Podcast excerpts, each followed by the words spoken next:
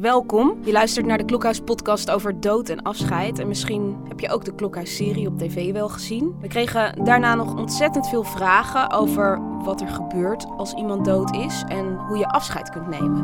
Rond 2012 geloof ik ongeveer kreeg hij kanker. En eh, toen heeft hij, eh, is hij heel lang ziek geweest en steeds minder gegaan, minder gegaan. En toen, eh, toen is het eigenlijk overleden. Vandaar ook deze podcast over dood en afscheid om nog verder te praten en antwoorden te zoeken op al die vragen van jullie die zijn binnengekomen. Kijk op het klokhuis.nl of in jouw favoriete podcast-app.